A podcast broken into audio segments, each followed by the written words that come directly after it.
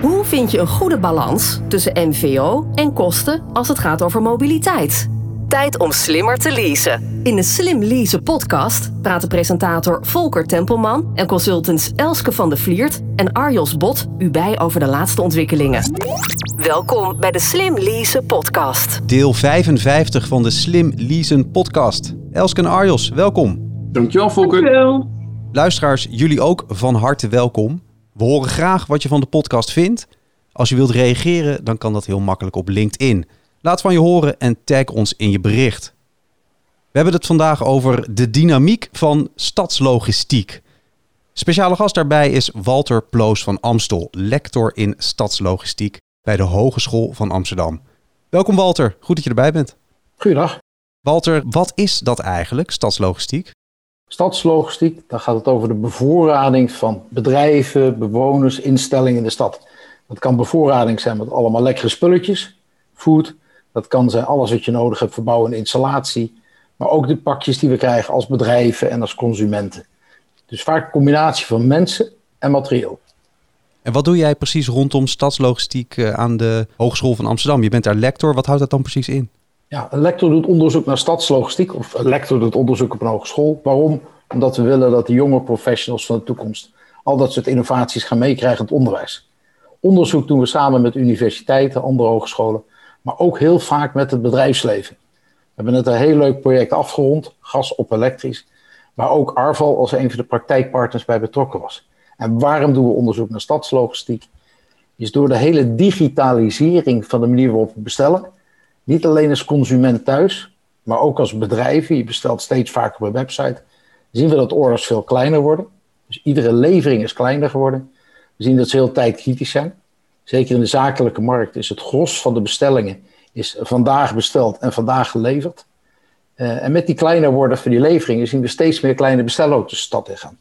En in grote steden is inmiddels 1 op de 6, 1 op de 7 voertuigen in de stad is voor die stadslogistiek. En dat moet anders.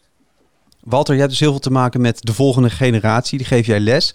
Wat is nou uh, ja. de beste vraag die jij de afgelopen tijd hebt gehad van jouw studenten? Als je er eentje uit mag kiezen. Nou, de beste vraag gaat steeds over verkeersveiligheid. Waarom hebben we zoveel ongevallen met bestelbusjes in de stad? En kan dat niet anders?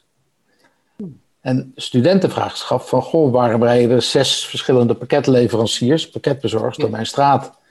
En gu, als ik, uh, gut, als ik al die bouwbusjes zie, dan snap ik niet dat ik twaalf busjes van één bouwer zie, die, die één kleine verbouwing doen bij mij in de straat. Ze snappen het gewoon niet. Waarom delen we capaciteiten niet? Waarom komen we met zoveel voertuigen? En ze zitten vaak zelf ook op de fiets. En ze zien om zich heen steeds meer mensen, die, bezorgers, die op de vrachtfiets aan het leveren zijn. Is dat dan niet de oplossing voor de toekomst? Ja, ja, Geef je daarmee het antwoord op de vraag? Nou, wat de vraag was van, goh, hoe kijken jonge mensen eigenlijk naar die stadslogistiek en waarvoor maken ze zich zorgen over? En die kijken echt, die, die snappen dat niet. Die enorme voertuigen, die enorme bestelauto's, die allemaal bijna leeg zijn. En die overal op de stoep staan en die midden op straat staan te lossen. Dat snappen ze gewoon niet. Die willen, die willen graag wonen in een buurt waar je lekker buiten kan sporten. Als je straks een gezin krijgt, dat ook je kinderen buiten kunnen spelen. Uh, en die snappen al het vrachtverkeer niet. Want we zijn geweldig bezig met steden autoluw te maken. Sommige steden zelfs autovrij. Ook onze campus, hè, universiteiten en hogescholen. En onze campussen, dat die primair geschikt zijn om lekker te lopen. En dan snappen ze al dat verkeer niet. Dit is de Slim Lease podcast met Volker Tempelman, Elske van de Vliert en Arjos Bot. Je hoort steeds meer van hubs en bouwhubs lijken ook wel succesvol. Maar als ik jou nou nu zo hoor, dan denk ik ja, dat is eigenlijk alleen maar nog meer bestelbusjes. Gaan die hubs een oplossing bieden of maken we het probleem daarmee alleen maar groter? Ja, definieer hub, dat is altijd heel lastig. Maar even twee stappen terug. Ja. Als we kijken naar de stadslogistiek, Ja. dan denkt iedereen, oh dat zijn pakketjes. Ja. Dat is een heel groot misverstand. Dat is maar 4% van alle vrachtbewegingen in de stad. En meer dan de helft van de pakjes gaan naar bedrijven toe. Dus die consument is minder dan 2% van de vrachtbeweging. Oké. Dus in elke woonwijk, in elke straat en iedere binnenstad is het. Bestelverkeer voor pakketjes veel minder dan 1% van al het verkeer. Dus dat, dat stelt niks voor. Als je echt de grote stromen pakt die de stad te gaan, is dat allereerst bouwlogistiek. Een derde van alle vrachtwagens, een derde van alle bestellauto's gaan naar de bouwplaats. Of naar een verbouwing, of naar een renovatie, of naar thuis om wat te repareren. Ja. Horeca is, is een kwart ongeveer. Dat is echt heel slecht georganiseerd. Je rijdt echt een kip zonder kop door de stad. Uh, en dan pas krijg je stromen als afval, oh winkelbevoorrading. En als je kijkt naar hubs, dan moet je altijd eerst kijken naar het soort goederenstroom. He, die, die, voor die bouw wat je noemde, is een hub heel geschikt. Dat je met volle vrachtwagens, met bakstenen, volle vrachtwagens met spullen kan komen. En just in time alles kan voorbereiden voor de bouwplaats. Nou, de bouwplaats is de slechtste plek om te werken. Heel inefficiënt. Stel dat je straks je huis van het gasafval hebt. Mm dat zijn 35 bestellautobewegingen. dat is niet efficiënt. Die hebben ook geen ruimte voor in de straat waar je dat doet. Dus dat wordt onbetaalbaar. Ja. wat je ziet is bedrijven die gaan steeds meer pre-installeren. Laten s'nachts al op etages uh, de complete keukens uitgepakt klaarzetten. Waardoor die keukeninstallateur alleen nog maar installeert. Die is tot nu toe gewoon een kwart van zijn tijd aan het lopen. Een kwart van zijn tijd bezig met uitpakken van dingen. Is eigenlijk niet bezig met zijn werk. Dus wat je ziet is dat hubs succesvol zijn als ze daadwerkelijk waarde in de keten toevoegen. Door of heel veel kosten eruit te halen. En dat is dan vooral vaak in de aanvoer. Wij denken dat de last mile duur is. Maar de first mile is gewoon veel duurder. Dus als ik heel efficiënt naar de stad kan. En de last mile kan ik helemaal op verzoek on demand regelen. Dan gaat het heel erg goed. Maar er zijn natuurlijk ook wel verbazende dingen. De, de bouwhubs werken goed. We hebben natuurlijk heel veel hubs. Ook een misverstand bij heel veel bedrijven is dat stadslogistiek van heel ver weg komt en dan de stad in komt. Nou, niks is minder waar. Uh, eh, 90% van de zendingen komt eigenlijk van binnen de regio naar binnen de regio. Dus als je dan hubs gaat toevoegen aan de groothandel. We hebben 2000 groothandels in de bouw. Dat zijn allemaal hubs. We hebben 800 groothandels in Nederland in uh, horecabelevering. Dus er zijn eigenlijk al 800 hubs. En alle pakketbedrijven bij elkaar hebben 140 hubs. Dus eigenlijk alles wat zich leent voor een hub zit al in een hub. Maar daarmee is het nog niet slim. Nee. Nee, nee want je, je verbaast je natuurlijk over dat er twee ootjes van PostNL komen. Ja. FedEx van... Eh, ja, dat is, ik kan ik mijn buren eigenlijk ook niet uitleggen. Maar het vervelende is, wil je dat soort stromen beter doen... dan moet je dat al helemaal in het begin van de keten regelen. Het feit dat bij bol.com er contracten zijn met mhm. tien verschillende transporteurs... Ja. Die gaan allemaal naar hun eigen hubje aan de rand van de stad. En alle studies wereldwijd laten zien dat het pakket eigenlijk geen probleem is. Het pakket eigenlijk al heel snel naar zero-emissie gaat. Dat we steeds meer afhaalpunten zien. Uh, en we zien ook dat met de toename van pakket vorig jaar, met 40%, je maar 5 of 10% meer bestelauto's in Nederland ziet. Er gaan gewoon meer pakjes in een kortere route. En dat gaan we dan straks ook nog doen met cargo bikes. En, uh, en je moet ons echt zorgen maken over juist die andere stromen. En wat zie je daar dan als uh, mogelijke oplossingen? Nou, je ziet een aantal oplossingen. Het begint natuurlijk altijd met het aansturen van het gedrag van de klant. Dat is, je maakt een keuze als je een installatiebedrijf bent, dan maak je een keuze in welke regio ga ik zitten. Nou, best, als jij een, aanbesteding wint in Groningen en je personeel zit in Amsterdam, dan is dat heel veel rijden. Ja. Dus dat zijn hele bewuste keuzes. Het is ook een afspraak die je maakt met de horeca. we hebben allemaal hele kleine horecazaakjes. De gemiddelde horecazaak in Nederland is er drie jaar. Dus die zijn bezig met overleven. En eh, die zijn heel kritisch, want de een die zegt ik kom pas om half vier, de ander om half zes, de ander die heeft ontbijt. Ja. Dus de groothandel en de horeca rijdt vier tot acht keer per dag in dezelfde straat. Nou, je kunt ook nadenken, moet ik niet afspraken gaan maken met al die, die horecabedrijven in de winkelstraat? Want in de winkelstraat denkt iedereen, dat is allemaal vrachtwagens voor de winkels. Maar hmm. niks is minder waar. Het gros van de vrachtwagens en winkelstraten en busjes is voor die horeca. Mm. Als we dat gedrag kunnen aanpassen, dan wordt het heel veel efficiënter. Het zie je, zelfs je op de bouwplaats, als daar twaalf onderaannemers lopen. Op de bouwplaats hebben we twaalf verschillende leveranciers die allemaal op het laatste moment met de smartphone worden afgeroepen van ik heb nu nog dit nodig.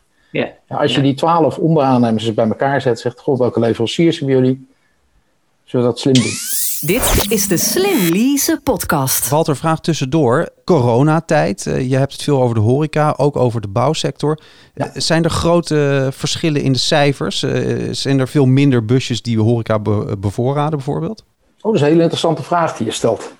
Ehm, want allereerst hebben we gezien dat de bouwsector werkt gewoon door. Dat is die grote sector. Uh, een hele interessante ontwikkeling is geweest dat wij met elkaar in Nederland meer dan de helft wat we eten buiten de deur doen. Dat is veel, hè? En dat Ja. is niet uniek. Als je grote steden pakt, als Londen, New York, zit al op 70%.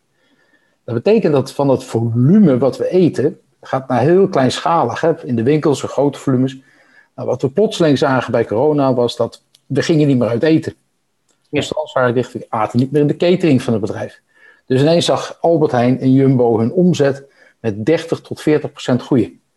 En dankzij data die bedrijven hebben, zagen we op een gegeven moment de chauffeurs van de groothandel met hun vrachtwagens naar de winkel gaan rijden. Met de winkels konden natuurlijk niet ineens zoveel vrachtwagens hebben. Dus het verkeer in de stad is eigenlijk niet afgenomen omdat we een verschuiving hebben gehad van het ene kanaal naar het andere kanaal.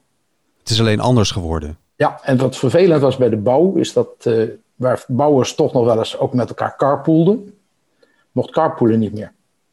Ja. Dus we zagen grote bouwers ineens die normaal met twee of drie auto's vanuit eh, Brabant hier een klus kwamen doen, nu ineens met Ja. twaalf auto's komen. Dus we hebben gezien dat die stadslogistiek eh, eigenlijk niet verandert. Er zit gewoon 90% van de normale logistieke weging. Zelfs nu alle modezaken dicht zijn. En, eh, Wat komt er dan bij jou naar boven als lector met deze data? Eh, ontstaan er dan Ja, nieuwe vind- vind- ideeën? Ja, één vind ik het geweldig hoe snel allerlei transporteurs en verladers onderling, verladers zijn degene die spulletjes laten wegbrengen, Mhm. met elkaar rond de tafel konden zitten over wie heeft de capaciteit, wie heeft het personeel en welk volume moet er in de komende dagen en volgende weken naar de retail, naar de bouwplaats. En we zagen no time dat chauffeurs werden uitgewisseld. Dus er is heel veel transparantie inmiddels in die transportsector. We zien gelukkig ook steeds meer samenwerking tussen bedrijven. Ja, want ik dacht nog, misschien is er wel heel veel meer overheidsregulering nodig. Hè? Dat je zegt. Absoluut. Ja. Oh, ja, dat Helemaal wel. met je eens. Kijk, de overheid speelt vijf rollen. Dat is reguleren, daar gaan we het sowieso over hebben, coördineren. Wat de overheid gaat doen is straks communiceren met het busje. Dat zie je al, je kunt als, eh, met ja. vrachtwagen met je busje een groene golf krijgen. Ja, ja. Maar je kunt ook verkeersdata krijgen over welke laad- en losplek is straks, als jij in die stad komt, voor jou beschikbaar. Dat heet Mhm. heel duur intelligent toegang, eh, toegangsbeheer, intelligent Ja. access. Maar de coördinerende rol, verkeersmanagement wordt belangrijker. We hebben een rol in stimuleren. Want zeker bij zero emissie, hè, we krijgen 30 Ja. tot 40 gemeenten die gaan eisen dat we met elektrische vrachtwagens en bestelauto's die, die binnensteden ingaan. Ja. Stimuleren door je door geld te geven. Stimuleren door je door leuke initiatieven eh, onderzoeksgeld te geven. Nummer vier is faciliteren. Denk aan vervoer over water in steden. Ja, dan moet je overal kaders maken. Faciliteren, straks laadinfrastructuur. Kijk, voor Ja. jouw autootje persoonlijk is er laadinfrastructuur. Ja. Maar de gemeenten zeggen massaal, bedrijven moeten dat voor zichzelf regelen. Ja. Dat is een beetje vreemd, want die, die, die loodgieter die in zijn eentje werkt en uit eh, Almere komt om in Amsterdam te werken, die wil toch graag, als hij toch daar is, ergens aan de publieke laadpaal staan. Dan zien we heel veel experimenteren bij de overheid. Bijvoorbeeld een hub voor alle publieke inkoop. Eh, eigen vrachtwagens op waterstof, dat zien we bij de afvalinzameling. Het Ja. eigen materieel wordt elektrisch. Experimenteren is met andere aanbesteding. Tegen bouwers zeggen, je moet met zero emissie komen, anders mag je die klus niet doen. Maar even terug naar reguleren. Reguleren is het meest eh, effectief. Reguleren doe je met venstertijden. Je mag tussen 9 en 12 de binnenstad in. Reguleren doe je met snelheid. We gaan natuurlijk naar 30 km per uur. Reguleren doe, doe je door te zeggen, jij of gij zult zero emissie rijden vanaf 2025. Wat ik zie is bij alle gemeenten in Nederland, is die, die zijn dat geklets met convenanten een beetje zat. Nee. Eh, want dat heeft niet geleid tot eh, echte vermindering van het aantal voersbewegingen. Dus die hebben allemaal, net als in zo'n groot schip, vol de stand op reguleren. Dus wat Ja. we gaan zien is dat in steden nog meer knippen komen. Dat we virtuele knippen komen. Dat je gewoon niet meer in een bepaald gebied mag komen. Zero emissiezones. Dus ben maar voorbereid. Of je nou een servicebedrijf bent, een bouwbedrijf, de pakketbezorger. Dat je met steeds meer eisen geconfronteerd wordt. En een van de grootste voorwaarden straks is dat je voertuig connected is. De gemeente wil gaan volgen. Wat zit er in je voertuig? Hoe zwaar ben je? Onze infrastructuur zakt in elkaar. Dus hou er maar rekening mee dat het niet eenvoudiger wordt. Heb je ook nog iets eh, positiefs? Nee, absoluut onze niet. Nee, de gemeente gaat heel streng worden, maar dat is allemaal, het is wel heel goed voor ons allemaal. hè. We willen allemaal wonen in een wijk waar het veilig is. Ja. Nou, het vrachtverkeer is buitenproportioneel betrokken bij ongevallen. Dus een van de eisen die straks bijvoorbeeld aan vrachtwagens worden gesteld is direct vision. En dat je geen dode hoek meer hebt op je vrachtwagen. Of met camera. Is natuurlijk gek dat je in steden binnen kan komen. Het vrachtwagen zou nog niet eens een fietsbescherming aan zit. Nou, Londen is heel strikt. Daar begint het, uh, begon het 1 maart. Dat je alleen nog maar bij bouwwerkzaamheden met direct vision mag gaan. Dat gaan ze uitrollen. Nee, het is natuurlijk heel erg goed dat het veiliger wordt. We hebben bij elkaar alleen al vanwege de ongevallen in het vrachtverkeer zo'n 4 tot 5 miljard schade per jaar. Ja. Aan de gezondheid van mensen, aan de gezondheidszorg, aan dodelijke ongevallen. Dat moet anders. Nummer twee is, we willen met steeds meer mensen in die stad wonen. Dan is het natuurlijk niet te, te verklaren dat je heel veel ruimte maakt voor vrachtwagens die ook allemaal nog eens niet vol zitten. Of die, die komen aanrijden, de hele dag een busje ergens parkeren en dan s'avonds weer wegrijden. Dan willen we woonruimte hebben. En als we woonruimte maken met steeds meer één-persoonshuishoudens in de steden, willen we dat de buitenruimte geweldig aantrekkelijk is. Ik woon in zo'n uh, autovrije buurt. Ja, dat, dat wordt hoog gewaardeerd door de mensen die er wonen. Dus je moet veel meer beseffen als je naar die stad gaat. Want vroeger heb je ook goed nieuws. Als, als, ook als je op de bestelauto zit, woon je ook. Dan wil je ook die bestelauto niet de hele dag voor de deur neerzetten. Uh, wil je ook buiten kunnen lopen. Uh, wil je ook gezonde lucht om je heen. Ja. Het is echt van groot maatschappelijk belang dat we werken aan minder ruimtegebruik, gezonder vervoer. Praten we over luchtkwaliteit. Dit is de Slim Lease podcast. Walter, jij uh, houdt hier een mooi pleidooi daarvoor. Uh, volgens mij zijn de lokale overheden daar ook heel veel mee bezig. Maar ik ben benieuwd naar de struggles die er zijn. Want waarom gaat het nog niet zo snel als we misschien willen? Welke partijen hebben daar allemaal een aandeel in en waarom schiet het nog niet op? Nou, we zien een aantal ontwikkelingen. Richting verkeersveiligheid, dat snappen bedrijven wel. Want je betaalt gewoon minder verzekeringspremie als je op rijgedrag stuurt. Een van de mooiste voorbeelden is Picnic. Uh, die zijn begonnen met gedrag, feedback te geven over het rijgedrag van runners. In één jaar tijd 80% minder schades. Zo. Nou, daar kunnen wij allemaal die bedrijven bij helpen. Jullie als leasemaatschappij, verzekeraars.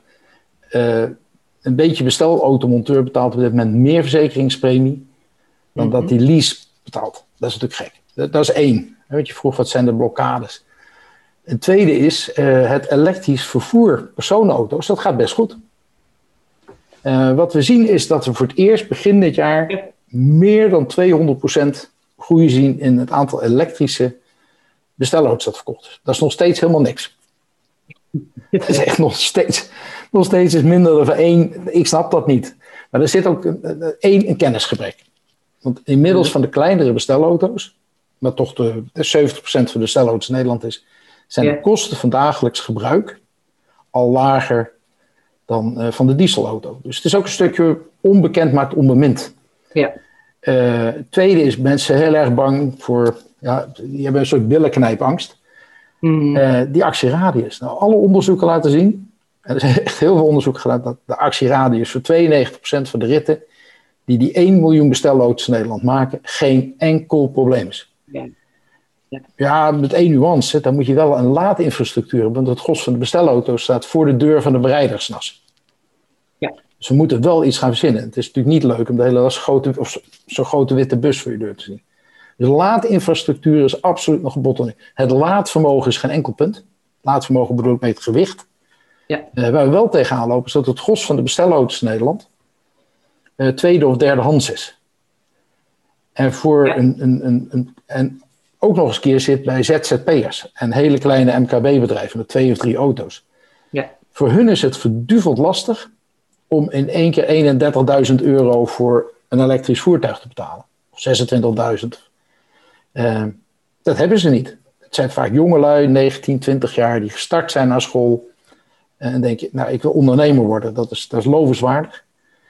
Maar het laatste wat je dan wil is investeren. Dus je hebt 1200 euro geleend bij vrienden en familie.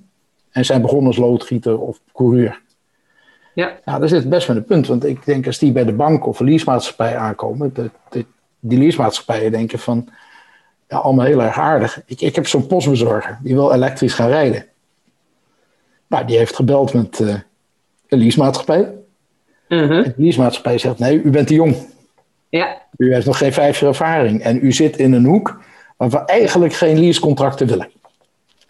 Ja. Dat is spannend. Dus een van de grootste blokkades die we straks gaan zien is... en ik denk de overheid ons daarbij moet gaan helpen met een garantiefonds. Want die, het is oneerlijk. Hè? Als je dat geld dus niet hebt... kun je dus niet gebruik maken van een goedkope voertuig. Nee. eigenlijk moeten we, want wij met elkaar hebben verzonnen dat dat allemaal zero emissie moet. Mm zullen we toch met een ander aanbod moeten komen. Waardoor we juist die groep van hardwerkende ondernemers in Nederland, die MKB'ers, toch gaan meenemen. Want ik snap dat je als, als, als financier, als bank, als leasemaatschappij niet zomaar ja zegt tegen zo'n ondernemer. Maar tegelijk, als je over die hele groep van 600.000 bestelauto's kijkt, met, met, met zo'n uh, 400.000 ondernemers, dan is dat risico voor die hele groep natuurlijk best met elkaar te dragen. En ik denk mhm. dat de overheid, of mijn ABP, misschien wel mijn pensioenfonds, ja. zegt, ik ben best bereid daar eens in te stappen, want het is een hele interessante doelgroep. Uh, en, en het financieren van zo'n zero-emissie-vloot is eigenlijk een hele zekere uh, investering die ook goed oplevert. Dus ik zie die financieringscap, maar begint natuurlijk bij die ondernemer. En wat je hebt gezien in de taxisector, daar mhm. is elektrificering heel snel gaan. Ja. En waarom? Er waren drie simpele dingen. Eén is, er was een voertuig dat het goed deed. Ja. Tesla, en inmiddels zijn er heel veel voertuigen die het goed doen. Ja. Uh, Tesla deed een goed aanbod. Nummer twee was, er werd gezorgd voor een hele goede laadinfrastructuur. En nummer drie was, die taxichauffeurs zagen elkaar iedere dag. Uh, en die, ja, en op een gegeven moment iedereen riep van, uh, ja, dat wordt niks dat elektrisch rijden. Ja, toen de eerste Tesla's meer dan 1 miljoen kilometer hadden gereden en zorgeloos, mm. zeggen nu alle taxichauffeurs tegen elkaar, ja, mijn volgende auto wordt elektrisch. Daar hebben we helemaal geen hulp van de overheid bij nodig. Nee. Ja. En tenslotte privileges. Hè? Dus eh, als je zegt, in die taxisector, heel veel hotels in Amsterdam zeg ik wel alleen nog elektrische taxis voor de deur. Mm -hmm. Doelgroepen vervoer, mensen die naar de school gaan of het ziekenhuis, alleen maar elektrische taxis. Dat gaan we straks ook op de bouwplaats zien, bij de aanbesteding.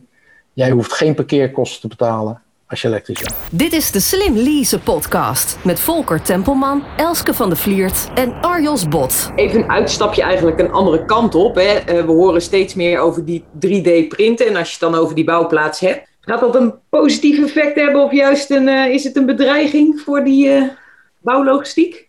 3D-printing in de bouwlogistiek wordt een hele interessante, maar je moet nog wel steeds alle componenten naar de bouwplaats slepen. Mm -hmm. ja. Uh, en 3D-printen op de bouwplaats is niet heel erg efficiënt. Dus wat je doet is je gaat 3D-printen aan de randen van de stad. En dan komt nu een 3D-geprinte brug in Amsterdam. Voor de logistiek betekent dat je veel grotere stukken de stad in zal moeten slepen. Maar het leidt wel tot minder bewegingen. Ja. Dus ik zie dat wel als een hele kansrijke ontwikkeling. Waar ik in de bouw wel bezorgd over ben, is uh, we gaan van beton. Beton maak je aan de rand van de stad. Ja. Weinig kilometers en kun je just in time maken. Heb je geen voorraadruimte, dan gaan we naar houtbouw. Mm. Dat, dat komt, als je daar de CO2 van ziet, want dat moet allemaal uit Oost-Europa komen, Scandinavië. Heb je hele grote opslagruimte nodig, wat hout ligt te drogen. Dat is ook allemaal privé. Dus we zien ontwikkelingen als 3D-printing die leiden tot minder bewegingen, maar groter. Maar we zien een hele sterke ontwikkeling van beton naar hout. Dat leidt tot heel veel meer bewegingen.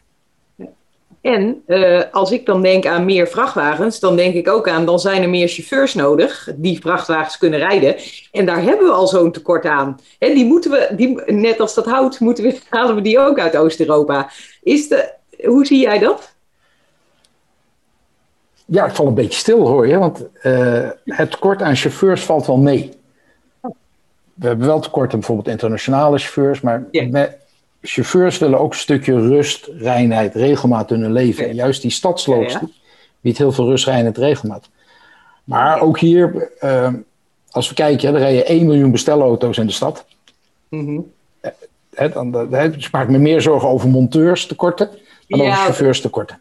Oké, ja. Ik wil nog wel even naar, naar toch een bruggetje maken weer naar die eh, elektrische, laten we zeggen, of elektrificeren van de, van de busjes. Ja.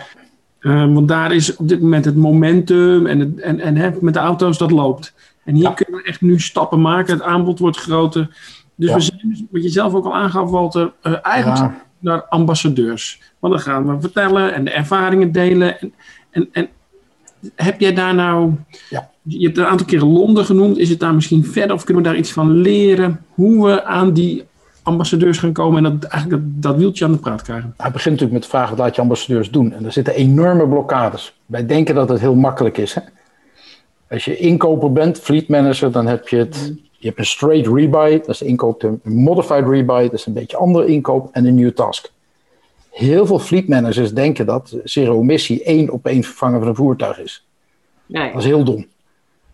Het is ook niet het vervangen van een dieselauto door zero-emissie.